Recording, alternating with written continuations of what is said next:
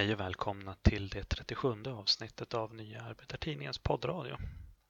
Den här veckan så kommer vi att eh, spela upp ljudet från vår webb-tv-sändning vi gjorde lite tidigare. Har du inte sett den så kan du gärna titta på den också. Den finns på arbetartidningen.se. Så håll till godo.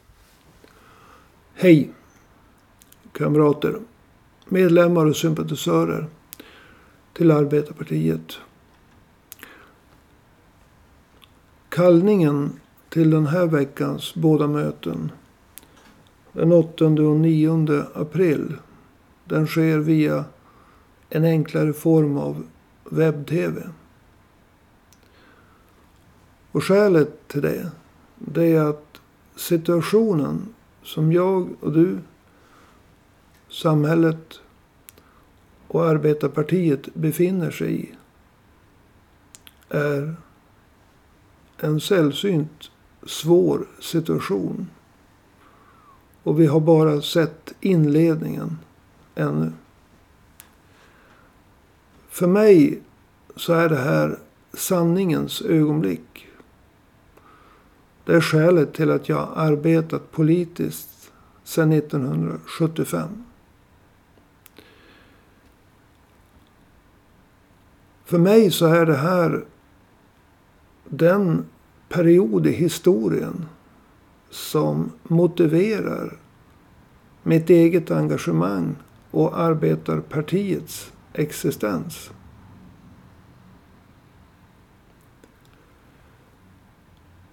Vi har i Sverige och i Europa och i världen gått in i den djupaste krisen sedan andra världskrigets slut. Den här krisen har åtminstone tre delar som förstärker varandra. Om vi tar den första delen. De allra flesta har hört begreppet samhällskontraktet. Om jag ska enkelt förklara vad det är så är det att vi knegare eller pensionerade knegare vi ska jobba, vi ska betala skatt och vi ska följa lagen. I utbyte mot det ska regeringen och riksdagen och myndigheterna och arbetsgivarna ge oss sjukvård, utbildning, en inkomst att leva på och trygghet då vi går ut genom dörren. Men inkomstklyftorna före coronakrisen var de största sedan Statistiska centralbyrån började mäta för 25 år sedan. Arbetslösheten var mycket hög. Skjutningar och sprängningar var någonting som folk i storstadsområdena tvingades leva med. Asylpolitiken skilde ut sig från övriga Europas. Den asylpolitik vi förde i Sverige. Och integrationen av invandrarna fungerade inte. Och därför växte det fram parallella samhällsstrukturer präglade av hedersförtryck och islamism. Och vi drabbades också av terrorism på Drottninggatan 1900 eller 2017. Samhällskontraktet som utgör själva grundvalen för varje stat var alltså statt i upplösning. Då coronaviruset slog till. För det var ett slag. Och vi har inte sett det sista slaget och känt det sista slaget än. Det var ett slag mot hälsa och ekonomi. När det gäller hur coronasmittan drabbar så beror det på några saker och jag ska nämna fyra. Det beror på farligheten hos själva smittan. Det beror på tillståndet hos de som blir smittade. Det beror på samhällets beredskap innan smittan kommer. Och det beror också på hur samhället hanterar viruset då det kommer. Corona är farligt. Farligt på det sättet att ingen var immun. Och det saknas fortfarande ett vaccin. Corona är också farligt på grund av att en så stor del av befolkningen beräknas drabbas.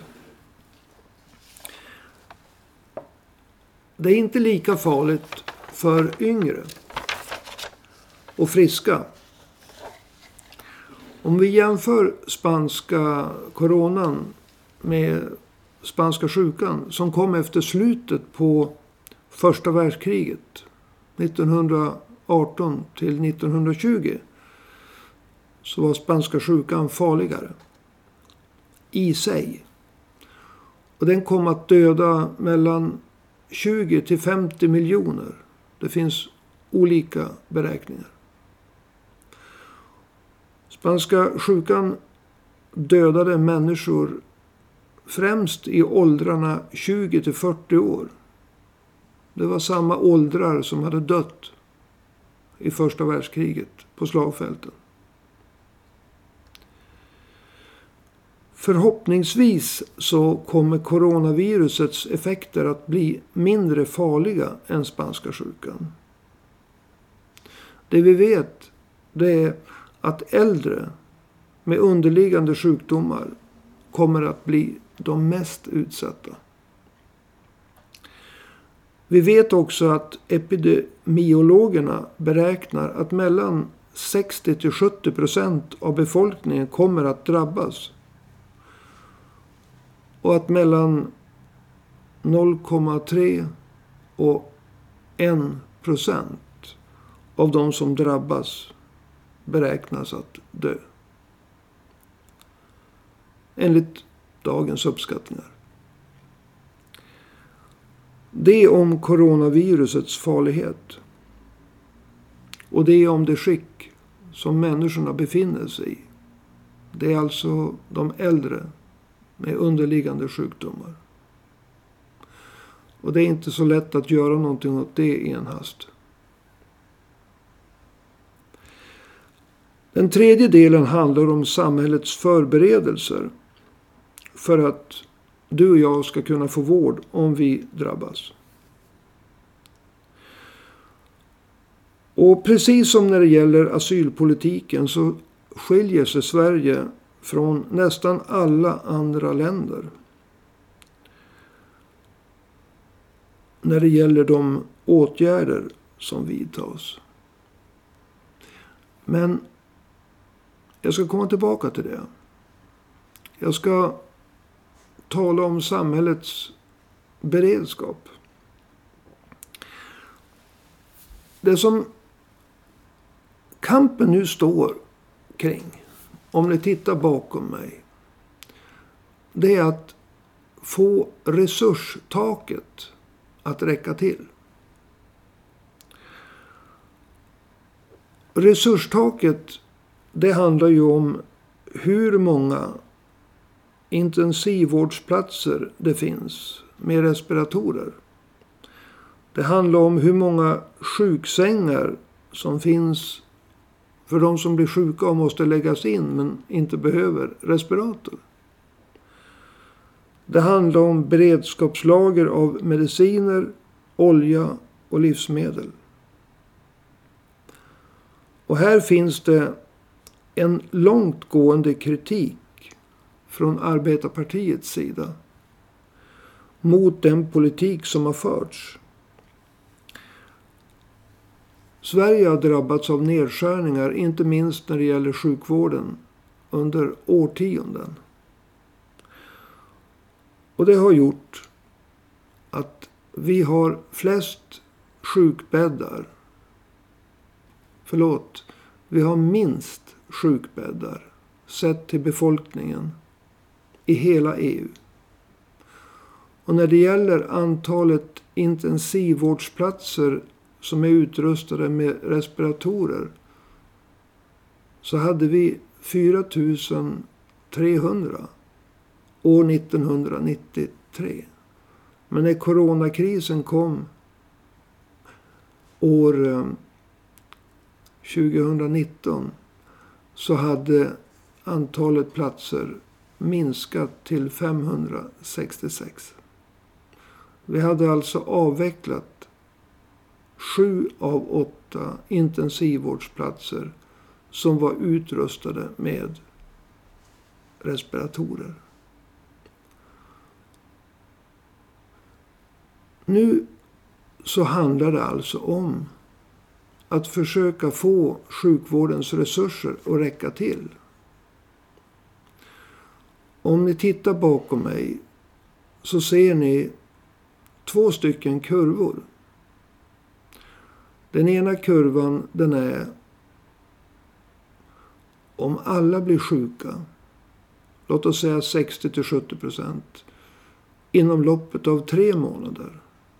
Då kommer garanterat resurstaket att spräckas.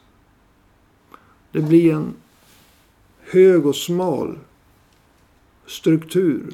Om 6 miljoner människor, 60 procent av Sveriges 10 miljoner, blir sjuk inom tre månader, då kommer resurstaket att spräckas. Men om samma antal människor blir sjuka inom loppet av 12 månader. Så man sprider ut de 6 miljoner sjuka. Så kommer man kanske att klara resurstaket för sjukvården. Och därför så handlar det om vilka förberedelser hade samhället och vilka åtgärder vidtar samhället när smittan väl är lös? Och här har Sverige, som jag sa, skilt sig från andra länder.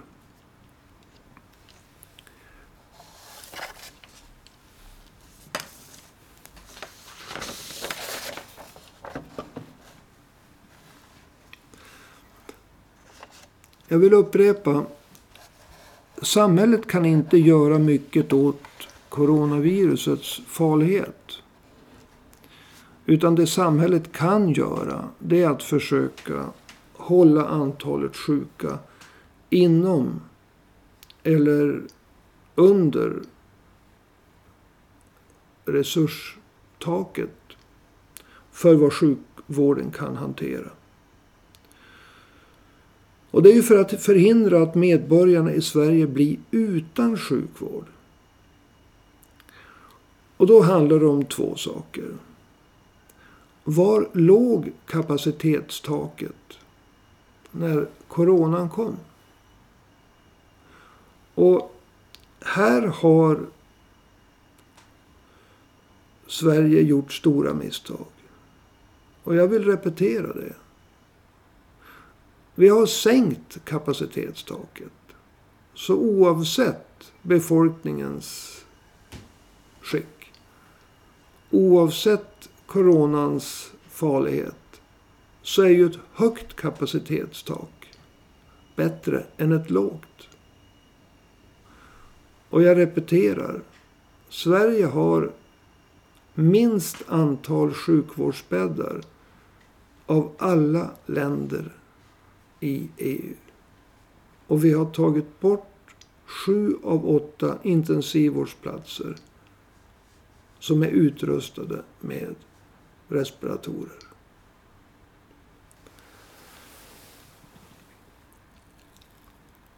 Det andra då, det är ju vad vidtar samhället för åtgärder? Och eh, vad, det handlar om att försöka bromsa hastigheten med vilken medborgarna insjuknar. Och om man vill sprida ut insjuknandegraden så, så måste man försöka vidta rätt åtgärder. Och de åtgärder som de flesta länder har vidtagit det är att man har försökt stänga ner samhället. Man har försökt hindra större grupper av människor att träffas. Och det handlar inte heller bara om att man gör åtgärderna. Det handlar om när man gör dem.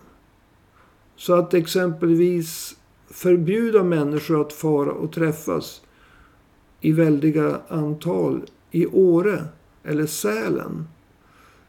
Det är ju en sak om man gör det före vintersportlovet. Då kommer det att ha en stor betydelse. Men fattar man samma beslut efter vintersportlovet så har det ju mindre betydelse.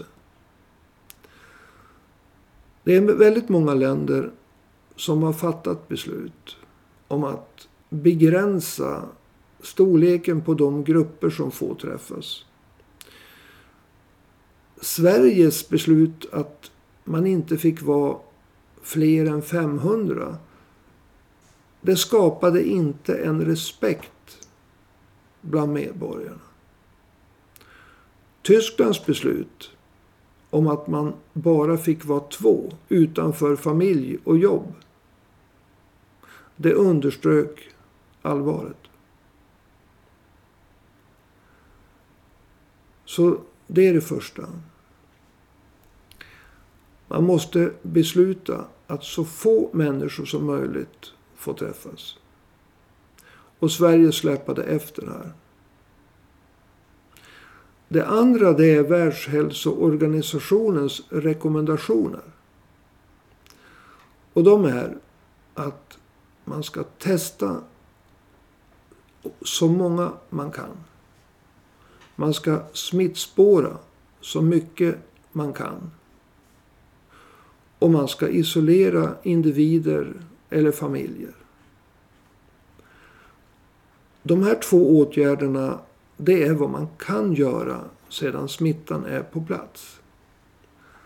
Alltså att försöka begränsa genom att stänga ner samhället. Exempelvis i form av hur många som får träffas. På afterski, i gym, på konserter. Här låg Sverige efter. Och det andra det är att testa. Och om jag tänker mig att jämföra Sverige till exempel med några andra länder som vi alla känner till.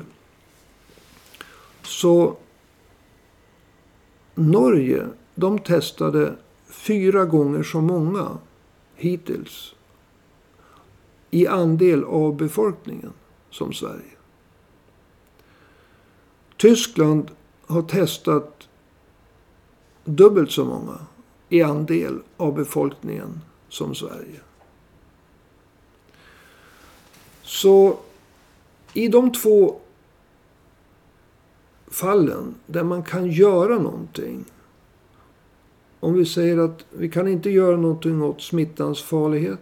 Vi kan inte göra någonting åt skicket befolkningen befinner sig i. Det tar lång tid att ändra på det alltför låga resursstrecket. Då kvarstår det. Hur hanterar vi situationen? För att få bort den här faran av att alla blir sjuka på kort tid. Och istället försöka få lika många sjuka. Fast under en längre tid. För att klara resurstaket. Då har Sverige agerat tvärt nästan alla andra länder. Vi har inte stängt ner. Vi har inte sagt att få människor måste undvika, alltså att så få människor som möjligt måste träffas. Tyskland 2, Sverige 500. Sen minskar Sverige till 50. Och vi har inte testat lika många som exempelvis Norge och Tyskland. Och det har gjort att Sverige är i ett sämre, en sämre situation än vad man behövt vara. Ja, det var den andra delen av samhällskrisen.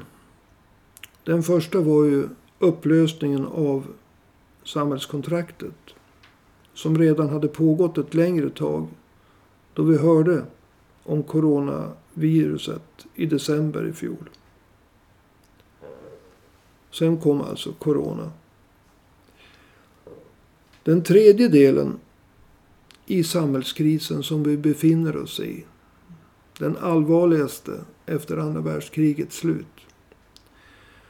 Det handlar om den ekonomiska kris som kan komma att få oöverskådliga effekter. Alla vet ju att restauranger, konsert och konferensarrangörer drabbas hårt. Liksom frisörer och eh, både st stora transportföretag som SAS och Norwegian och små åkare som kör buss i Västerbotten. Men den ekonomiska krisen den slår även mot tyngre delar av ekonomin. Som exempelvis både produktion och viljan att köpa bilar och andra varaktiga konsumtionsvaror. Och jag måste berätta om vad som har hänt i USA. I USA anmälde sig över 6 miljoner individer som arbetslösa förra veckan. Det var det största antalet i USAs historia under en vecka. Någonsin. Och veckan före anmälde sig drygt 3 miljoner som arbetslösa. Och det var den näst högsta noteringen någonsin. När det gäller antalet som anmält sig arbetslösa under en vecka. Och det antyder vidden av den här ekonomiska krisen. Den ekonomiska nedgången blir med allra största sannolikhet djupare än nedgången som började i Sverige 2008. Den kan komma att likna den ekonomiska kris som vi drabbades av under 1930-talet som ett resultat av börskraschen i New York 1929. En sak är säker. Livet kommer inte att gå tillbaka till den situation som var innan.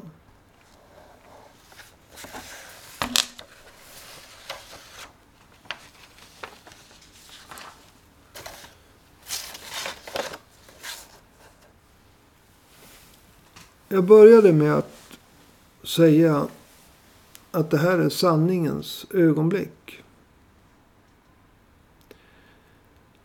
Jag börjar med att tala om samhällskrisen. Som jag och många, många andra anser vara den djupaste efter andra världskrigets slut.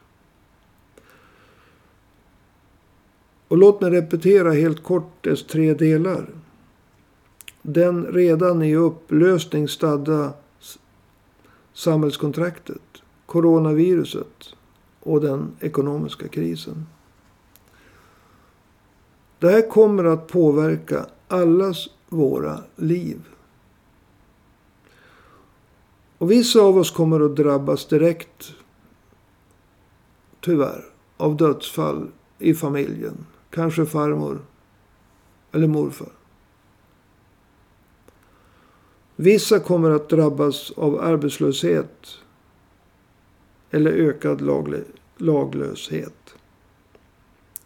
Andra kommer att drabbas av oro.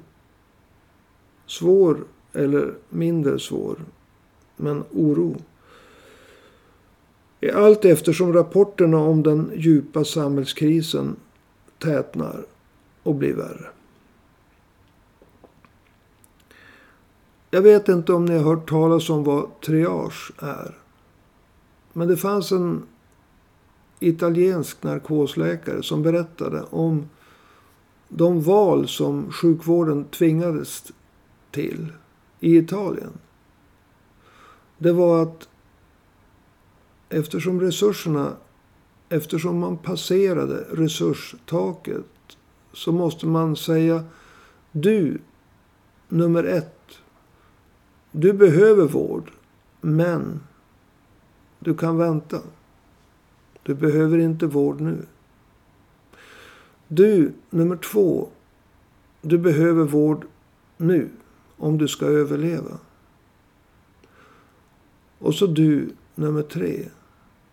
Du behöver vård. Men även om du får vård. Så kommer du inte att överleva. Och därför får du ingen vård. Alltså. I Italien tvingades läkarna att bestämma vilka som man inte ens skulle försöka rädda. De lämnades att dö. Och han jämförde med situationen under andra världskriget. Det här kommer att hända även i Sverige. Med största sannolikhet. Och jag säger det här inte för att du ska bli rädd. Jag säger det här därför att när jag talar om den djupaste samhällskrisen efter slutet på andra världskriget. Så beror det på att det är den djupaste samhällskrisen efter slutet på andra världskriget.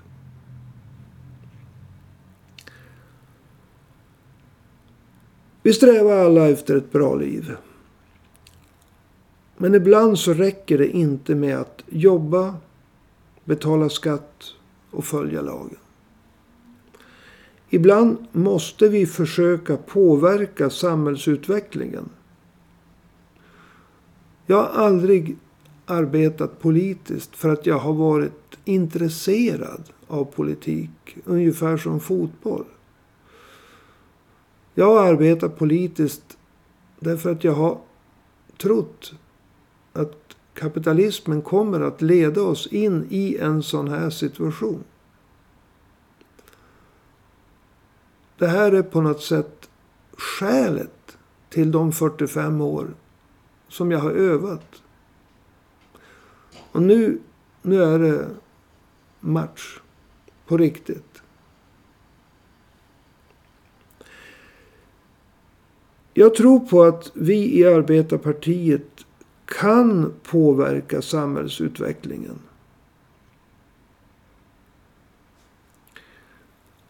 Och hur som helst så måste vi försöka. Corona, samhällskontraktet, den ekonomiska nedgången. Den samlade effekten på samhället av alla de tre bitarna. Det är inte som fotboll. Gillar man inte fotboll kan man slå av tvn. Men man kan inte slå av samhällskrisen som består av ett uppbrutet samhällskontrakt, coronaviruset och arbetslösheten som följer av den ekonomiska krisen. Det är därför jag menar att det här är sanningens ögonblick. Och vi måste försöka. Vi har inte valt situationen, men vi måste försöka påverka situationen. Och då är frågan, vart vill vi vara om tio år? Ska de som har skurit ner sjukvården, de politiker och ekonomer som under årtionden har gjort att Sverige har minst antal sjukvårdsbäddar i hela EU. Ska de få ta tillbaka initiativet när krisen med coronan är över och börja skära igen? Eller de som har avvecklat beredskapslagren så att Sverige, till skillnad från Finland, som har 1400 läkemedel i beredskap. De har olja, de har livsmedel. Vi har ingenting sånt. Ska vi ge dem tillbaka befogenhet och makt att göra om samma misstag? Eller ska den upprustning av sjukvården som sker just nu, både i form av materiel och personal, bestå? Ska vi bygga upp beredskapslagren igen? Vart vill vi vara om tio år? För jag vill säga en sak. Det kan komma en andra våg av corona. När man studerar pandemiernas historia, vilket jag har gjort. Så kan det komma både en andra och en tredje våg av coronasmittan. Troligtvis på grund av 2,5 miljarder flygresor om året så kommer pandemierna att komma tätare i fortsättningen. Men till det så har vi bränderna. De enorma skogsbränderna. Vi har klimatuppvärmningen. Och vi har terrorismen. Vi har Drottninggatan. Det här är inte en tillfällig sak som vi sen kan glömma och gå vidare. Utan vi måste tänka, vart vill vi vara i tio år? Hur vill vi vara förberedda nästa katastrof? För det blir en nästa katastrof. Det är en del av det här samhället. När det gäller demokratin. Demokratin har redan börjat att hotas på grund av coronavirusets härjningar. I Sverige och i många, många andra länder försöker nu regeringen driva igenom en rätt att fatta samma snabba beslut utan att förankra dem i den folkvalda riksdagen. Som i mycket högre utsträckning uttrycker folkmajoritetens uppfattning. Det här är farligt, onödigt. Om vi tar Sverige så har den senfärdighet som regeringen har uppvisat i alla skeden verkligen inte gjort att riksdagen har utgjort någon form av broms. Och jag vet inte hur många som känner till det. Men i Sverige har vi, vi redan minskat antalet ledamöter som tjänstgör i riksdagen. Från 349 till 55. Och självklart kan man prata ihop sig gruppledarna emellan på förmiddagen. Och de här 55 tappra, de kan träffas på eftermiddagen och fatta vilka beslut som nu än behövs. Det är ett försök att inskränka demokratin. Det som regeringen i Sverige nu gör. Och jag kommer att berätta vid ett annat tillfälle om att det är samma process igång i Umeå kommun.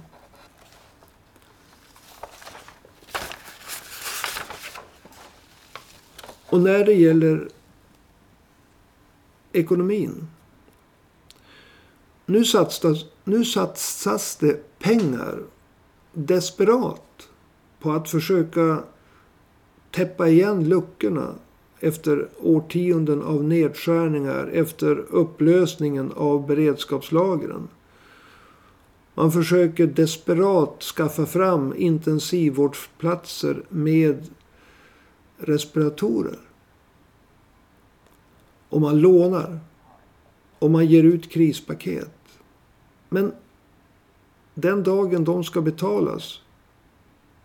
Hur ska de betalas? Av vem ska de betalas?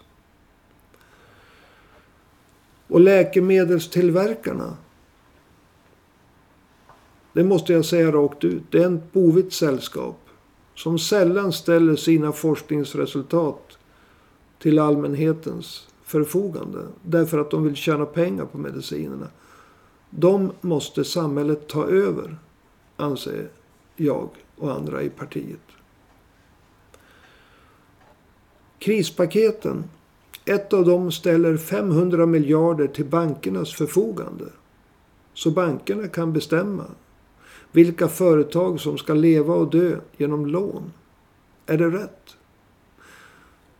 I bankkrisen i början på 90-talet så betalade vi redan bankerna. Vi köpte redan bankerna. Fast vi krävde inget ägarkapital. Och bankerna, ta Swedbank. En gigantisk pengatvätt. Det största ekonomiska gangsterismen som vi har sett. Det är också bankerna som står för. För att få någon sorts kontroll över det som händer sen ekonomin börjar repa sig. Så måste vi ta över bankerna. Och jag frågar igen. Var vill vi vara om tio år? Ska samma politiker och ekonomer som har skurit ner i offentliga sektorn och framförallt aktuellt nu sjukvården. Ska de ta över initiativet igen och återigen börja skära? Eller ska behoven hos de sjuka, hos personalen gälla?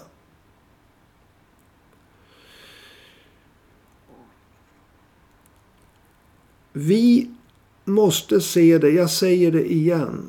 Inte som ett, en olycklig undan, ett olyckligt undantag det vi går igenom nu. Det här är en del av framtiden. Det kommer nya pandemier, det kommer nya bränder, det kommer nya klimatkatastrofer och det kommer nya terroristaktioner. Vart vill vi vara om tio år? Ja, vi måste ta kontrollen över sjukvården. Ekonomerna och politikerna får inte ta tillbaka det. Vi måste ta kontrollen så att inte demokratin rinner ur våra fingrar. Och vi måste ta kontrollen över de tyngsta delarna av ekonomin. Och det är bankerna. Den här samhällskrisen gör det mer viktigt än någonsin att föra fram ett ideologiskt alternativ vars politik innebär att behoven hos brukare och personal i fortsättningen sätts i första rummet. Och I Arbetarpartiet har vi utarbetat ett första utkast till ett krisprogram som berör de tre delarna. Samhällskontraktets upplösning,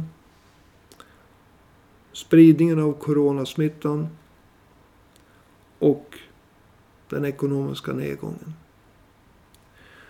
Vårt krisprogram är inte klart. Men vi kommer att publicera utkastet direkt efter den här sändningen. Och om du vill läsa det, och det vet jag att du vill. Så går du in på arbetartidningen.se Sen klickar du på tidningen. Och därefter klickar du på tjuvtitta på nästa nummer. Och då läser du vårt utkast till krisprogram. Och sen hör du av dig med synpunkter. Dröj inte. För det är bråttom. Vi kommer att publicera det här krisprogrammet. Inte som ett färdigt utan som ett nästan färdigt förslag i nästa nummer av Nya Arbetartidningen. Men vi vill ha dina synpunkter. Programmet kan komma att ändras i samband med att samhällskrisen ändras.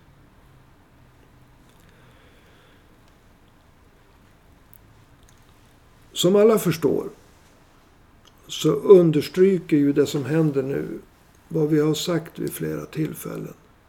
Att arbetarpartiet måste förflytta sin tyngdpunkt från två mandat i Umeå kommun, fullmäktige till att bli en rikstäckande veckotidning på nätet. Som innehåller rapporter från Sverige runt men också från Norge och Danmark och Finland norra Tyskland. Med poddsändningar, webb-tv. Det är bara så som vi kan bidra till någonting. Vi måste kunna kommunicera och erbjuda folk från hela Sverige och till och med från andra delar av Norden ett alternativ. Och det gör att vi kan inte låta oss paralyseras av den här krisen. Även om den drabbar oss. Vi kan inte lämna över den här krisens hantering till de som har misskött sig. När det gäller förberedelserna. När det gäller besluten. När det gäller ekonomin. Då alla lån ska betalas tillbaka. Och det betyder att vi för det första måste trappa upp arbetet med värvningen av prenumeranter. Så vi klarar av att få pressstöd. Varannan vecka har vi ju skrivar och ringarmöten.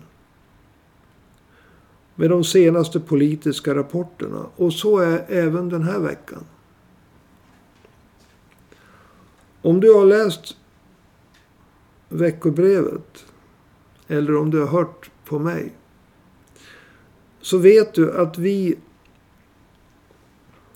försöker att göra partilokalen till det tryggaste stället att träffa människor utanför familjen. Jag tänkte inte gå igenom åtgärderna. Utom att säga att de som inte är frisk får inte komma hit. Och att vi ständigt rengör dörrhandtagen med sprit. Partilokalen ska vara den tryggaste miljön för dig att träffa folk utanför din familj. Det ska vara tryggare att komma hit än att gå till ditt arbete. Och jag tror att vi kan stå för det också.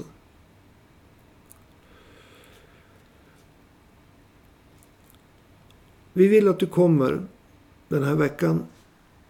Och vi vill att du hjälper till. Vi behöver ringa folk som har gått över från papper till nät. Men som ännu inte har skaffat sig en, ett lösenord och loggat in. Vi behöver ringa till gåvoprenumeranterna som har fått tidningen. Men som kanske inte har upptäckt det. Och därför inte har loggat in och kan ta del av allt vi idag ger ut. Och det håller hög kvalitet. Varje nummer av tidningen innebär att ett antal nummer prenumeranter tar slut. Och de vill vi återvärva.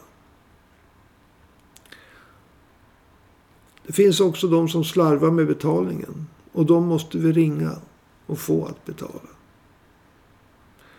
Och det finns fortfarande ensamma och isolerade medlemmar.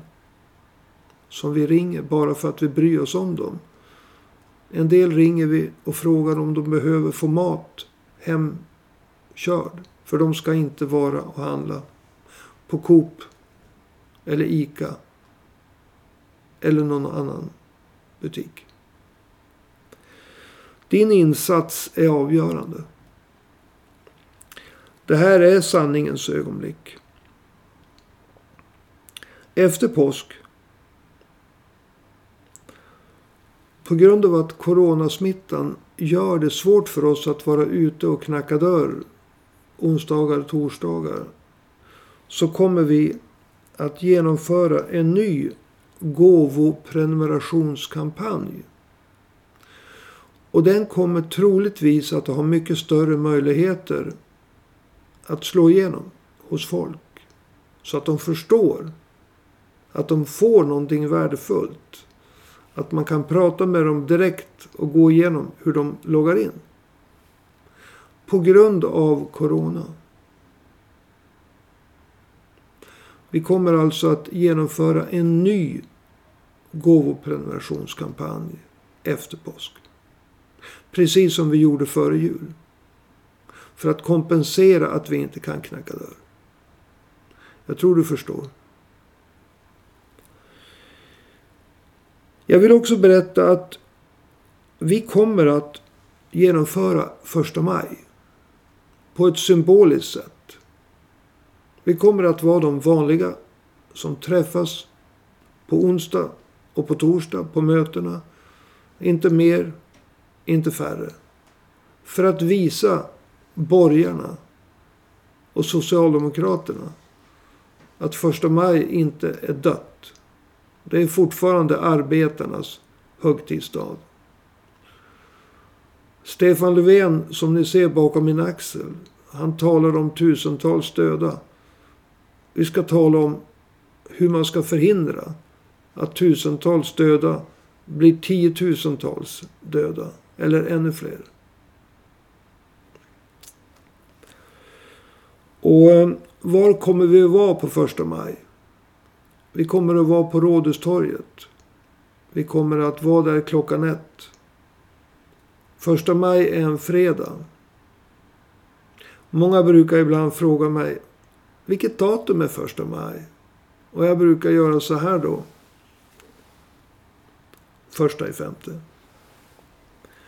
Det är viktigt för oss att visa att vi inte har lagt ner. Men vi kommer att skjuta upp föreläsningen. För alla förstår ju att Johan Westerholm som har skrivit boken om Muslimska brödraskapet inte kan komma. Vi kan inte ha 70 personer i ordenshuset. Det skjuter vi upp till hösten. Till sist så vill jag säga att innan du kommer på mötet den här veckan. Oavsett om det är onsdag eller torsdag. Eller om du är hemma. Så måste du läsa huvudartikeln. Och sen resten av tidningen. För du har fått ett nytt nummer av tidningen. Och det jag vill att du ska läsa innan du kommer. Det är en artikel som heter Kompromissa inte med folkhälsan. Coronaviruset måste besegras med alla medel.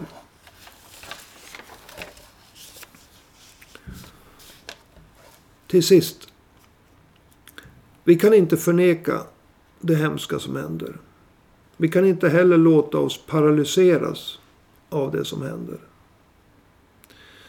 Utan vi måste acceptera läget som det är.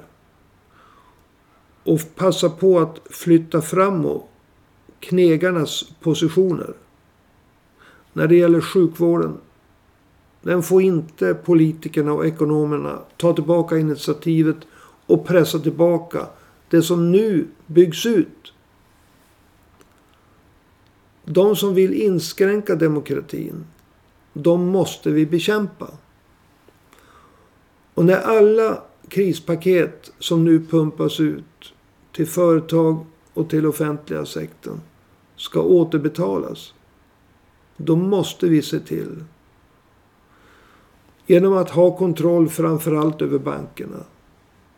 Att det inte blir en sorts hämnd på löntagarna. Där storföretagen ska ta tillbaka uteblivna vinster. Jag avslutar igen. Jag avslutar med att säga. Var vill vi vara om tio år? Därför att det här är inte en tillfällig katastrof. Det här är, för att använda ett modernt uttryck, det nya normala. Det blir fler pandemier.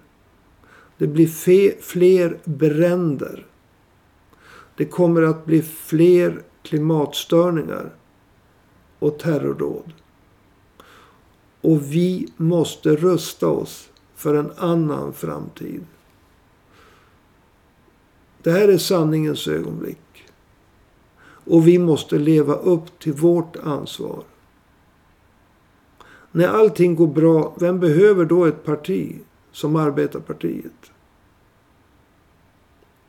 Det är när det är som idag och allting hotas som man behöver oss.